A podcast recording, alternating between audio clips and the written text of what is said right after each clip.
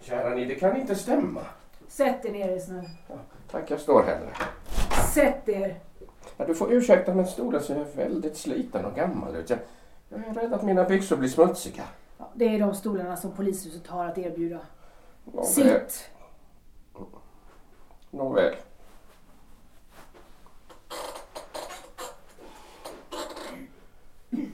Nu ska vi se. Förundersökningsledare Stina Oskarsson förhör idag 20 maj 1967 med Kai Arvo Ros född 12 januari 1927. Han har identifierat sig genom sitt pass. Klockan är 19.45. Då så. Det första jag vill säga är att herr Ros har rätt till en advokat och ni har rätt till att tiga.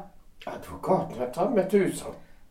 Ni avvisar alltså möjligheten att få en offentlig och kostnadsfri advokat i samband med förhöret. Ja, självklart. Vad ska jag med en advokat till? Jag har ingenting att dölja. Då fortsätter vi inspelningen som är grunden för förundersökningen.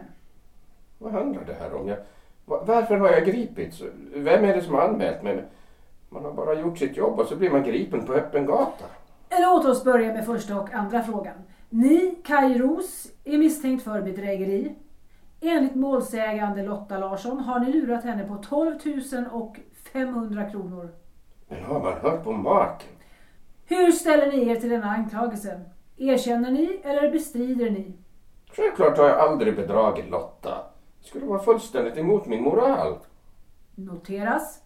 Nämnde Kai Ros bestrider anklagelsen. Förhöret kommer nu att ta upp omständigheterna kring gripandet. Ja, jag ska tala om vad jag har gjort. Jag, jag har tagit emot 12 500 kronor av Lotta. Sen när skulle det ha blivit brottsligt? Om jag får fråga fröken. Jag är polis. Utredare. Ja, det förstår jag. När ni talar med mig får ni kalla mig utredare Stina Oskarsson. Utredare Stina. Sen när blev det olagligt att få pengar? Stina Oskarsson. Målsäganden anklagar er för att ha stulit hennes pengar. Hon måste ha blivit väldigt upprörd över något jag har sagt. Ni mötte henne igår den 19 maj här i Köping. Enligt vårt tidigare samtal med henne. Ja, ja, det stämmer bra det. Jag vill nu att herr Ros först själv berättar om vad som hände vid ert första möte. Enligt våra uppgifter var det den 1 april i år. Ja, vi, vi träffades egentligen första gången något tidigare. Då jag, ja, vår orkester spelade i Arboga. På restaurang Amiralen. Det måste alltså ha varit, låt mig tänka, den eh, 4 mars. För det är en lördag och det var då vi spelade. Jag blev genast förtjust i denna charmanta dam. Hon kom in till oss efter föreställningen, ja, bakom scenen alltså, i, i omklädningsrummet. Och trivdes i vårt sällskap. Ja, i mitt sällskap framförallt. Vad hände sen? Ja, sedan föreslog hon att vi, vi skulle ta in på Stadshotellet i Arboga. Och ni accepterade förmodar jag. Självklart! Man ska aldrig säga nej till en dam som yttrar en sådan inbjudan. Ja, det händer inte vardagen. Varför tror ni i så fall att hon i vårt samtal sa att hon inte alls mötte er lördagen den 4 mars utan istället lördagen den 1 april? Ja, det får du fråga henne om. Kanske hon var rädd att andra inte, ja, inte skulle förstå henne. Förstå hennes val. Men det jag säger är sant, för jag talar alltid sanning. Det brukar inte höra till vardagligheterna att en kvinna bjuder in en man att övernatta på hotell. Kan ni förstå att jag blir frågande? Ja, det kan jag visst det. Men hon var så väldigt benägen, ja, så att säga. Vi kan kontrollera era uppgifter, herr Ros. Ja, gör det ni, om det roar er. Vi roar oss inte.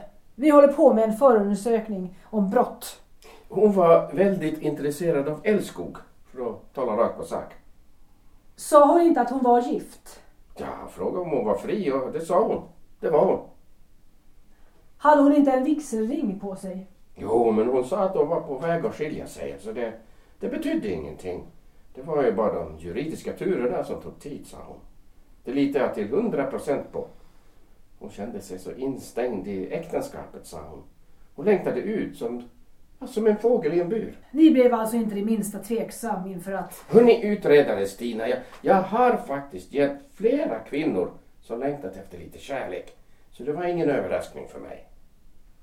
Som framgångsrik artist möter man ju många kärlekskranka kvinnor. Ja, även gifta.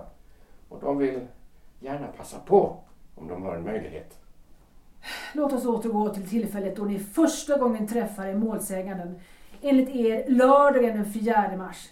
Ni spenderade alltså natten på hotellet. Ja, Arboga stadshotell. Ni kan, ja, ni kan ju kontrollera det hela om ni vill. I hotelliggaren. Jag talar bara sanning. Vi skrev in oss som Henrik Pentinen med fru. Men då ljög ni ju. Fröken utredare Stina, ni måste förstå att diskretion vid sådana här tillfällen är en hederssak. Jag måste ju skydda hennes namn. Låt oss återgå till ert möte. Talade ni om pengar före, under eller efter ert möte på Arboga stadshotell? Nej, inte alls. Vi bara njöt av varandras sällskap. Vem betalar hotellnotan? Jag tycker fröken är väldigt indiskret, ja. Men jag ska säga som det var. Jag betalade notan. Herr Ros förstår säkert att vi kan kontrollera den uppgiften. Ja, det får ni gärna göra. Låt mig sammanfatta. Det första mötet mellan er, Kai Ros och målsäganden Lotta Larsson inträffade den 4 mars 1967 på dansrestaurang Amiralen i Arboga. Efter det att ni avslutat ert arbete som musiker... Sångare. Vad? Sångare. Ja, jag är sångare. Jag sjunger tangos. Det är viktigt att framhålla.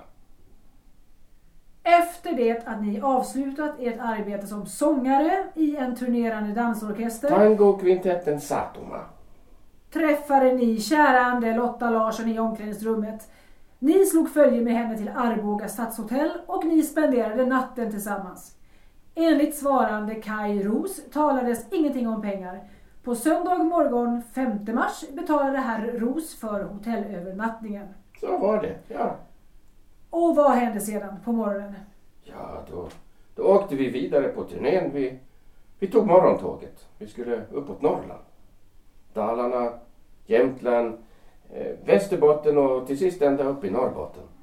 Kiruna var sista anhalt och innan det spelade vi i Gällivare och Pajala i närheten av mina finska rötters rik. Låt oss nu gå tillbaka till dagen när ni kom till Köping för sju veckor sedan. Alltså den första april. Kan ni återberätta så exakt som möjligt hur ert möte med Lotta Larsson avlöpte? Ja, visst kan jag göra det. Jag kom med tåget från, ja, närmast från Gävle var det. Klockan, klockan 13.30 var tåget framme i Köping. Då Lotta väntade på mig på perrongen. Ja, vi, vi kysstes förstås och hon blev alldeles till sig. Ja, vad talar ni om? Vad är vi talade om? Jo, det ska jag tala om, fröken utredare Stina. Vi uttryckte vår kärlek till varandra. Kärlek sa ni. Ja, hon älskar mig och jag henne. Är det något som är oklart i det? När började ni tala om pengar? Pengar. Jag tror jag nämnt att pengar, det ska man inte tala om. Det är vulgärt. Smutsigt. Herr Ros besvarar inte frågan. Pengarna ska man bara ha, se. Ni kom alltså hit med orkestern till Köping. Vad hände sen? Ja, vi skulle spela på Hantverksrestaurangen på kvällen. Ja, vilket vi också gjorde. Det var en härlig afton. Vilken stämning. Fröken utredare skulle ha varit där. Och efteråt så träffade ni målsäganden Lotta Larsson igen. Vi åt kvällsvard, men på Köpings stadshotell. De har bättre meny där nämligen. Jag längtar efter deras oxfilé. Vad pratade ni om? Jag berättade förstås om min turné uppåt landet och hon sa att hon gärna skulle följt med om hon bara fått ledigt från sitt arbete. Hon hade saknat mig något så förfärligt. Så. Kan vi gå framåt lite? Ni pratar mer allmänt, men under någon tidpunkt börjar ni tala om pengar, eller hur? Inte alls, fröken utredare. Inte ett ord om pengar kom på tal. Ja, ursäkta, men jag har svårt att... Låt mig citera ur anteckningarna från polisanmälan som vi fått in. Nämnde Kai Ros har enligt målsägande Lotta Larsson under förtäckta hot pressat henne att ge honom 12 500 kronor kontant. Orsaken till detta ska ha varit att Ros hotade att avslöja Larssons affär med nämnde Ros för Larssons make. Bestrider ni detta, herr Ros? Absolut. Absolut. Skulle aldrig komma på fråga att jag skulle förolämpa en kvinna på det viset. Till protokollet.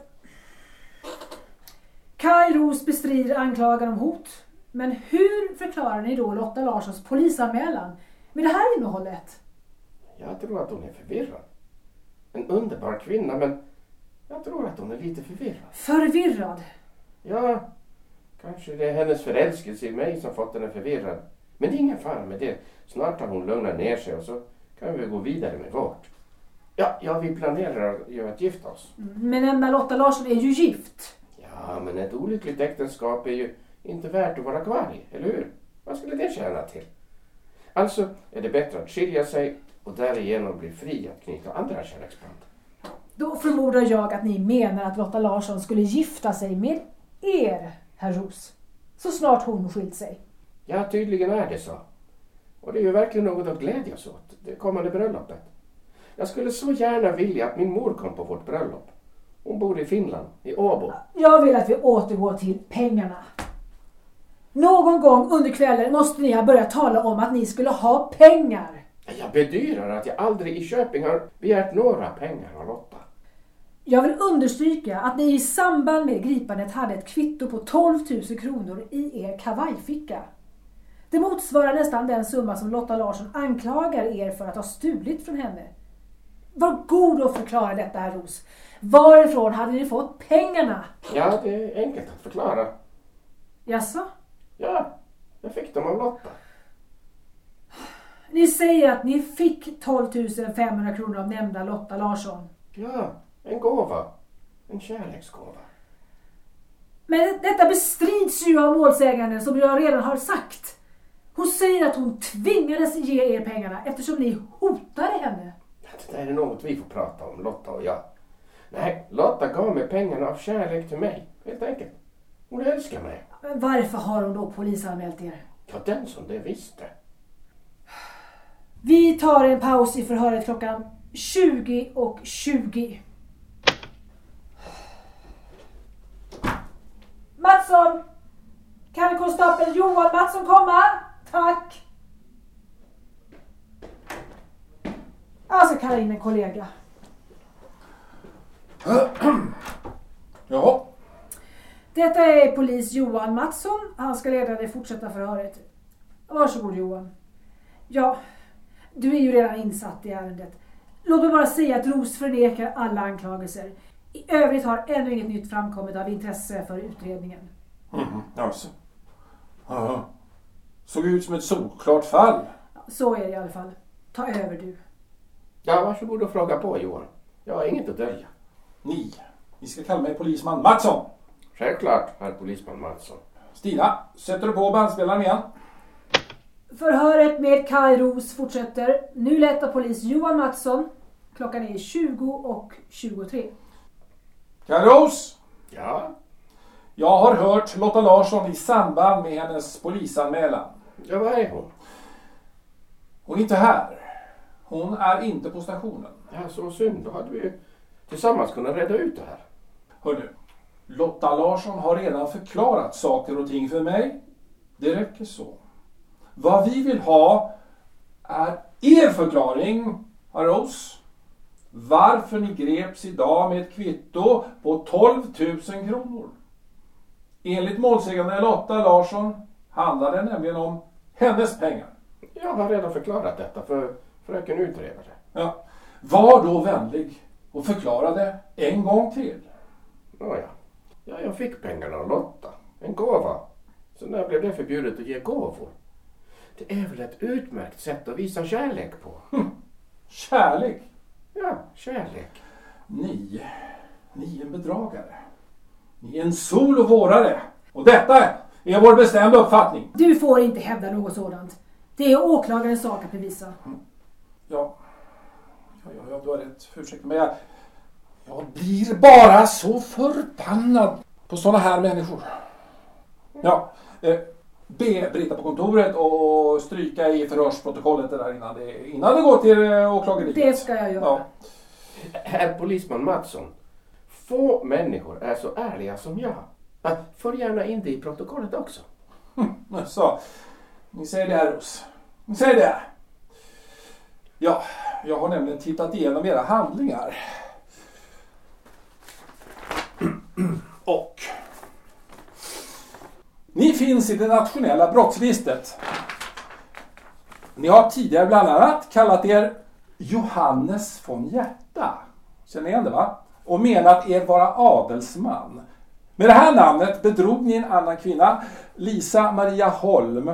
Ni lovade henne äktenskap och var till och med förlovad med henne. Ja, det är riktigt. Jag, jag, jag brukar ibland kalla mig Johannes von Hjärta för att få vara anonym. Inget ont i det. En framstående artist måste kunna få vara i fred ibland. Artist. Artist! Ja, jag är ju sångare. Sjunger finska tangos och, och så lite Evert Taube. Alla svenskar älskar ju Evert Taube, som ni vet. Ja, så vår publik är både svensk och finlandssvensk och, ja, och finsk. Men alla älskar ju att dansa tango. Det är mycket vackert. Det är mycket romantiskt. Hm. Nu ska jag säga er en sak. Det finns ingen artist som heter Kairos. I alla fall inte Köping. Inte hela Västmanland för den delen. Eller i svenska artistkatalogen. Jag har kollat upp det. Nej, det är ju klart.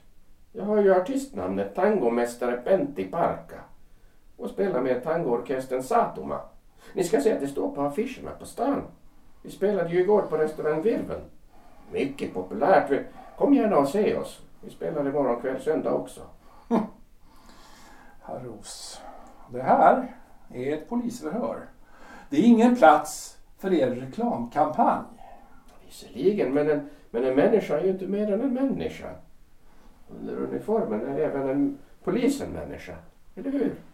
Och alla människor älskar ju att dansa och lyssna på musik och sång. Om jag skulle säga att ni är en tjuv, hur skulle ni reagera då? Med största lugn. Eftersom jag aldrig ens tagit en handduk från alla de hotell vi har besökt genom åren. Och det må jag säga, många av mina musikantkollegor har stora handdukssamlingar hemma. Var vänlig, lämna inte ämnet. Om jag säger att vi här på stationen har ett brev som ni skrivit tidigare, vad säger ni då? då? Ett brev? Vad kan det vara för brev? Ja, du har väl eh, brevet här Stina? va? Ja, Ja, det ligger här ja tack. i mappen på bordet. Då så. Vi ska låta läsa upp det för er så att ni får friska upp minnet lite. Mm. Ska vi se. Här har vi det. Stina, läs du. Och ska jag säga, det här är ett brev. Här är ett brev som ni skickade till målsägaren Lotta Larsson. Ett brev poststämplat i Härnösand. Kära Lotta. Så underbart att du känner precis som jag att våra själar kan mötas i kärlekens ljuva famntag är ingenting som andra kan förstå. Det är och förblir vår hemlighet. Vi vet något som andra inte vet. Vi känner något som ger oss tillträde till de högre himlarna. Den sjunde förstås. Ja, vår kärlek är en stark kraft, så mäktig att inga andra kan rubba den. Visst är det vackert? Jag har skrivit det själv. Helt säkert. Med något litet undantag. Fortsätt läsa Stina, fortsätt läsa. Jag är ju för närvarande på turné långt, långt borta så jag kan inte röra ditt vackra mandelformade ansikte, något som jag sörjer varje kväll innan jag somnar. Orkestern har ju sin turnéplan så jag kan inte komma till dig förrän om cirka tre, fyra veckor. Men jag har redan telefonerat och skrivit till en mängd personer som kommer att förbereda vårt bröllop så snart du skilt dig från din man. Det blir ett storstilat bröllop ska du se. Ett minne för livet. Vad säger du om midsommarbröllop? Jag har redan planerat för en stor festlokal för 25 kuvert, kanske 30. Beroende på hur många som du, käraste, vill bjuda in till bröllopsfesten. Jag har försäkrat mig om speciellt inbjudna artister från Stockholm förutom vår orkester. Jag hade tänkt mig Lasse Lundahl och Siv Malmqvist. Eller kanske Karli Tornahave. Det är gamla vänner till mig. Och så ska vi ha en vackert dekorerad hästdroska som vi ska kliva upp i efter ceremonin och åka kungligt genom stadens gator. Jag blir, jag blir nästan rörd själv när jag hör detta. Äh, tar över. Ge mig brevet. Hur snällt Stina. Jag fortsätter. För att vara säker på att beställarna gör det som de ska göra vore det ju fint om du skickar mig några kronor. Artister vill ju gärna ha de ekonomiska detaljerna i ordning. Hur förklarar Herros det här då? Ja, förskottspengar behövs ju när det handlar om sådana här arrangemang. Stora artister måste bokas tidigt. De är ju väldigt upptagna. Ja, ni ska veta att Lasse och Si verkligen inte är så billiga att anlita. Och ändå blir det ju ett vänskapspris. Hm. Ett ögonblick ska jag läsa fortsättningen. Jag citerar nu ur ert brev. Jag tror att det kan räcka med 10 000 kronor. Men om du vill göra det, var då godhetsfull och skicka mig för säkerhets skull 12 000. Också 500 för oväntade utgifter.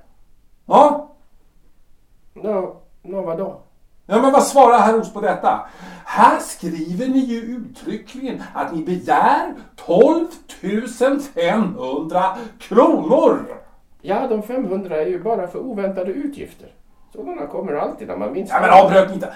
Avbryt mig inte herr Ros. Alltså, det här är ett förhör. Det här är ett förhör och inte en middagskonversation. Kan, kan det tänkas att man skulle kunna få lite kaffe? Det börjar bli sent. Nej!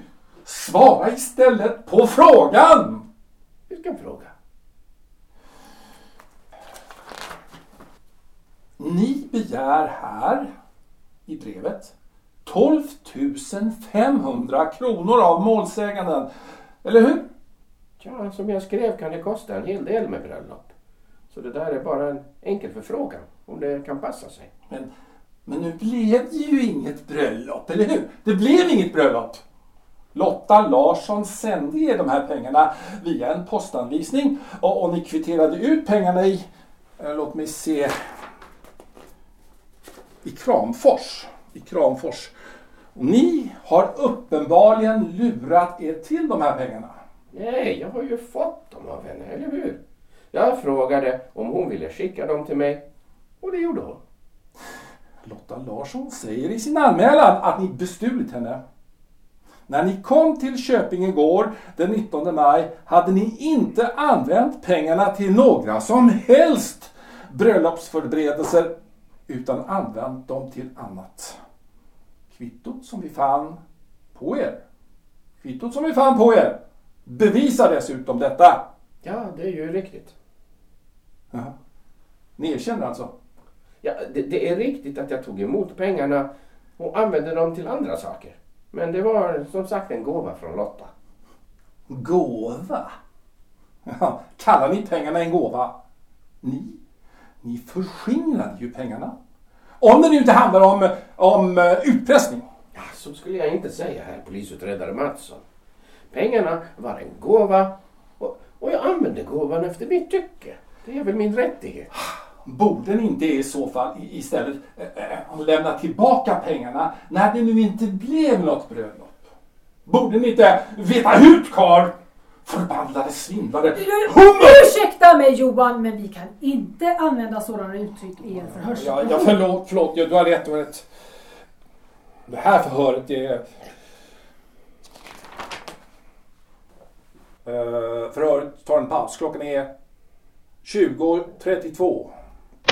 Ja, uh, Britta på kontoret får stryka det sista som jag sa. Ja, ja, ja... eh, nej! Du får ta över det här. Ja, jag har gjort... Jag har gjort vad jag kunnat. God kväll.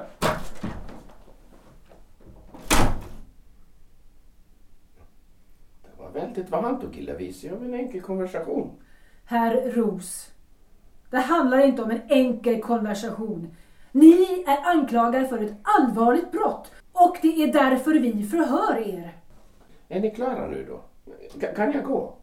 Nej, vi måste ge jouråklagaren förundersökningsprotokollet från förhören så att han kan ta ställning till om herr Ros ska häktas eller inte. Jouråklagare? Ja, han sitter en trappa upp i huset. Eftersom det är helg har åklagarmyndigheten i Västerås stängt. Kan det möjligtvis bli lite kaffe? Jag brukar alltid ta mig lite stärkande kvällskaffe, se. Ja, jag dricker det innan vi går på scen. Nej, ni får tåla er. Och ni ska inte upp på scen ikväll. Så, nu sätter jag på bandspelaren igen. Förhöret med Kaj Ros fortsätter nu. Klockan är 20.38 den 20 maj. Herr Ros. Jag vill be er berätta exakt vad som hände när ni kom tillbaka från er turné ner till Köping igår, fredagen den 19 maj och mötte målsägande Lotta Larsson. Ja, så gärna. Eh, Hon mötte mig på perrongen och jag hade förstås med mig två blommor till henne. Hela orkestern var ju med på tåget och det, ja, det var mycket att ordna så det tog lite tid innan vi fick vara för oss själva. Och sedan? Ja, sedan tog vi oss en rejäl middag på Hotell Gillet i staden. Det serverades järpe och till det drack vi Margot. När började ni tala om eh, det inställda äktenskapet? Inställt? Det är inte alls inställt. Bara framskjutet i tiden. Låt mig fråga så här. När började fröken Larsson tala om sina pengar? Sina pengar. De pengarna hade hon ju givit till mig för att arrangera bröllopet. Jag vill återigen påminna herr Ros att han är polisanmäld för stöld. Men det är bara ett missförstånd, fröken utredare Stina. Ett, missförstånd kan lätt hända. När det gäller kärlek. Ni har stulit pengarna från Lotta Larsson. Annars hade väl hon knappast gjort en polisanmälan. Jag lovar, jag ska tala med henne. Jag ska tala henne till rätta. Ni har ett kvitto på 12 000 kronor. Berätta hur ni spenderade pengarna som Lotta Larsson skickade er. Inte spenderat, investerat. Var god svara på frågan. Ja då. Jag har köpt en ny bil. En Cadillac. Ja, visserligen något begagnad. Men eh, man får inte en ny Cadillac Eldorado för 12 000 kronor. Tro inte det. Men den är skön som en aftonrodnad över stilla vatten. Men ni kom ju inte med bilen till Köping utan med tåg. Jag ställde Cadillacen i Arboga eftersom jag ville överraska Lotta imorgon. Det är ju bara ett stenkast bort. Jag vill hänvisa till Lotta Larssons anmälan. Vi har skrivit upp det från vårt samtal med målsägaren och jag citerar. Kai bedrog mig både på pengarna och på äktenskapet. Jag förstår att det inte blir något äktenskap och lika bra är det eftersom han är en orm. Men pengarna vill jag ha tillbaka. Det var nästan hela mitt sparkapital. Det där är bara ett missförstånd som, som jag snart ska reda ut med Lotta. Saken är ju den att vi, ja, vi började gräla igår kväll efter orkesterns spelning på Virven. Det handlade just om att, att hon missförstått något av, av vad jag sa till henne. Men självklart ska Lotta och jag gifta oss. Det är bara framskjutet något av, av praktiska skäl. Framåt hösten blir det alldeles säkert. Jag ska prata med henne. Jag vill veta. Svart på vitt. Kommer ni att betala tillbaka pengarna som Lotta Larsson skickade till er? Ja, pengarna är bundna i investeringar. En Cadillac Eldorado från 1958. En utsökt maskin. Och ska man på turné är Cadillac rätt sätt att resa. Titta på Ebbe Julabo, dragspelskungen. Han har en Cadillac 59. Så jag är inte långt efter. Jag skulle kunna hävda att det faktiskt inte är era pengar och att de därför inte kan använda dem efter eget bevåg. Utredare Stina förstår att det första intryck man gör är oerhört viktigt. När orkestern kommer till en ny dansbana ute i landet eller till en ny restaurang kan vi, kan vi ibland komma till spelningen i en rostig, sliten buss. Kan ni förstå vilket intryck det ger?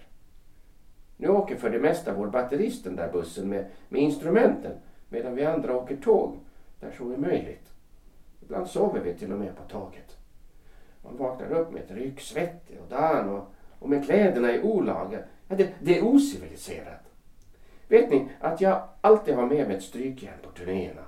En man måste kunna presentera sig själv i en snygg struken kostym. Vart vill ni komma? Jag vill komma fram till, en, till att en människa aldrig får en andra chans att göra ett första intryck. Men när jag nu fortsättningsvis kommer att åka Cadillac till våra spelningar istället för smutsiga tåg eller i den rostiga bussen förstår ni säkert att jag kommer att göra ett starkt intryck på, på alla. Titta bara på hur det gick för Ebbe Julabo.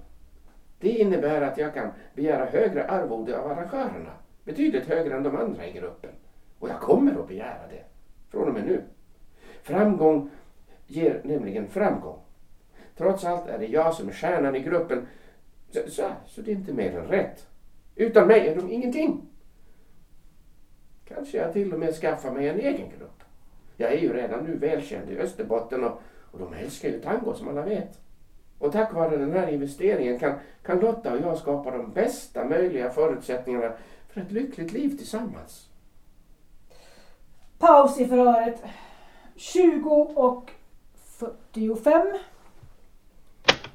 Låt mig avbryta er, herr Ros. Låt mig avbryta er svada, om jag så får säga. Ni skulle kunna sälja bilen och ge kontantsumman tillbaka till käranden Lotta Larsson. Eller hur? Jag säger nu inte detta som polis. Jag börjar bli för trött för det. Jag bara säger det därför att det kanske skulle kunna hjälpa. Jag tycker synd om henne. Men jag tycker också faktiskt synd om er. Ni lever i det blå. Men kära utredare Stina, man behöver påvisa klass förstår ni. Cadillac är det bästa bilvärlden kan erbjuda. Jag tycker vi avslutar det här samtalet nu. Ja, det låter fint. Att ni tar ert förnuft till fånga. Ja. Det handlar inte om förnuft utan om bevisläge. Nu sätter jag på bandspelaren igen. Herr Ros för sista gången. Ni säger alltså att ni fått pengarna av Lotta Larsson. Pengarna har jag fått, så är det. Jag har aldrig lyft ett finger för att tvinga någon att ge mig pengar. Och det här då, herr Ros, med målsägandens tal om att ni skulle avslöja affären för hennes make. Hur ställer ni er till den anklagelsen? Ja, men det är ju helt taget ur luften. Varför skulle jag överhuvudtaget vilja ha något med hennes make att skaffa? Lotta och jag planerade ju, ja jag planerar att gifta oss så snart skilsmässan gått igenom. Om jag säger så här. Det finns inga till rätten inkomna handlingar om begärd skilsmässa. Larsson bekräftar också vid det att hon hördes, att hon inte alls ska skilja sig från sin make. Vad säger ni då? Ja, hon tvekar väl fortfarande. Det är ett stort steg att ta, i synnerhet för en kvinna. Jag, Stina Oskarsson, avslutar nu förhöret med Kai Ros. Klockan är 20.53 den 20 maj 1967. Klart, slut. Så nu är det klart. Klart och klart. Förhöret kommer att skrivas ut imorgon söndag och överlämnas till jouråklagaren. Men ja, Ja, ja, det här blir helt utanför protokollet. Men jag är trött och jag vill avsluta det här. Jag kan säga det med en gång. Att eftersom ord står mot ord kommer jouråklagaren säkert att lägga ner förundersökningen. Det finns inget skrivet lånedokument så juridiskt sett är det omöjligt att hävda att ni har lånat pengarna. Och att målsägaren Lotta Larsson kan kräva tillbaka dem. Det finns heller ingenting i ert brev om att ni skulle ha hotat eller avslöjat er relation för Larssons make. Så det får vi ju avskriva i brist på bevis om inget annat framkommer. ja vad betyder det? Det betyder att ni går fri från åtal. Eftersom inget kan bevisas. Åklagaren har inget att gå på när ord står mot ord och när det inte finns några vittnen eller handlingar i övrigt som styrker anmälan. Så, ja, jag säger tyvärr kommer ni förmodligen att klara er från åtal. Ja, det var ju skönt att höra att man är, att man är fri som fågel igen. Herre Ros ska det inte kvittra för högljutt bara. Ingenting är absolut säkert. Ni har ju inte direkt ett fläckfritt förflutet. Men ni kan ju inte heller dömas på grund av era gamla synder. Ja, synder är väl synd att säga. Allt jag har gjort är att vara damer behjälplig med både det ena och det andra. Kai Ros, ni är en lögnare, en skurk och bedragare. Utan tvivel. Men jag har också en viss charm, det ska erkännas. Men jag erkänner det motvilligt. Tack. Det var snällt sagt, fröken utredare Stina. Men raka för jössan av er den där mustaschen. Är jag fri att gå nu då? Ja, vi skulle väl kunna hålla kvar er i arresten tills imorgon. Men jag tror inte det skulle tjäna något till. Ni har blivit förhörd och målsägandens framställan har vi också dokumenterats. Den delen är avklarad. Jag antar att vi kan få tag på er om vi skulle vilja ha tag på er. Så vi kan gå. Ja, det var skönt att höra. Stolen här är, är som sagt ganska smutsig. Ja, det har Ros faktiskt rätt i. Vi får byta ut den. Ja, timmen är ju sen. Snart nio. Kanske fröken utredare Stina vill följa med på en tur i Cadillacen. Det finns få gränser för herr Ros fräckhet, märker jag. Ja, Det var bara en enkel fråga. Cadillacen är en av världens mest sköna bilar att åka i. Ja, Och att köra. Ja, sa inte att eh, ni ställt bilen i Arboga? Vi befinner oss faktiskt i Köping. Det är ja, 18 kilometer härifrån. Ja, den står inte precis i Arboga. Med en taxi kan vi vara där om tio minuter. Menar herr Ros verkligen att, att, att ni skulle ha mage att bjuda ut en polis som precis har förhört er? Ja, varför inte? Jag är ju oskyldig och känner mig generös i afton. Jag vet inte om det skulle vara ett juridiskt brott, men nog skulle det vara ett moraliskt brott. Det kan inte vara ett brott att bli, bli bjuden på en biltur. Vad gäller moralen så, så bjuder jag på den också. Tycker inte fröken att också en polis har rätt till fritid? Plikter har förstört många människoliv. Ja, ni går väl snart av ert pass? Herr Ros försöker alltså övertala mig. Ja, som ni märker. Ja, ni erkänner i alla fall det. Det är ju bra. Men eh, tror ni inte att folk i Köping eller Arboga som känner mig skulle skvallra om de såg mig åka runt med er i bil? Varför bry sig om vad andra skvallrar om? Det betyder bara att de, de inte har något eget liv att bry sig om. Ja, det kanske ligger något i det. Ja, tänk på hur skönt det är att susa fram på vägarna i den, denna eleganta och mjukt fjädrande farkosten.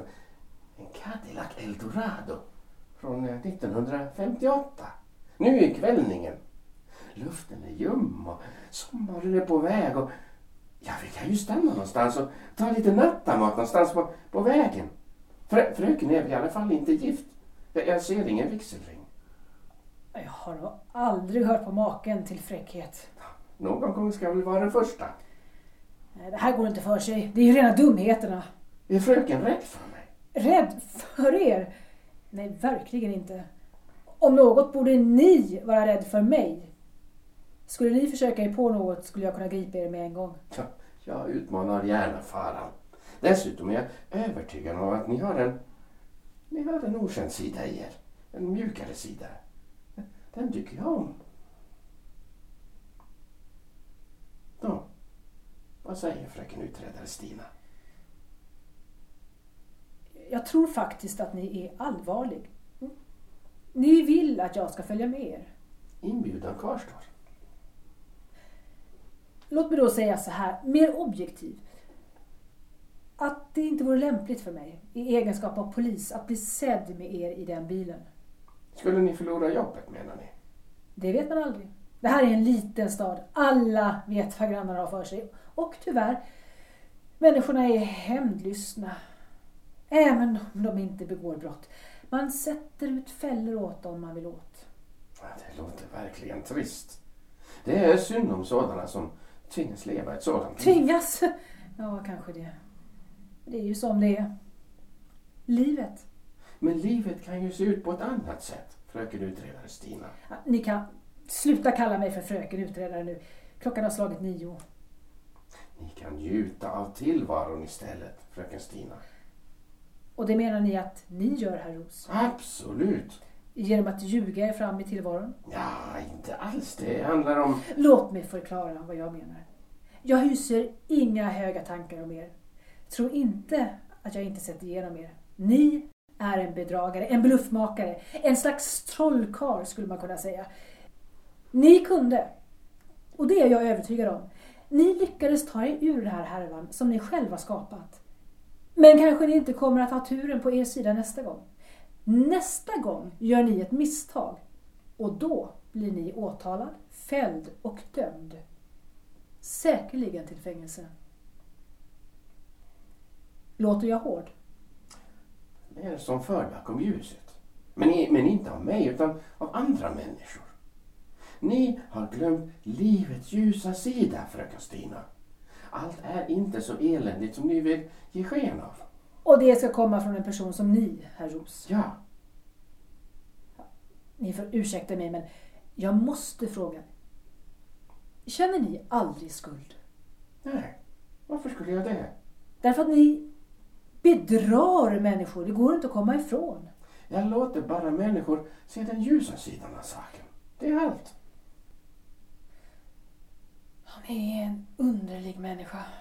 Jag är en artist. Men en bedragare.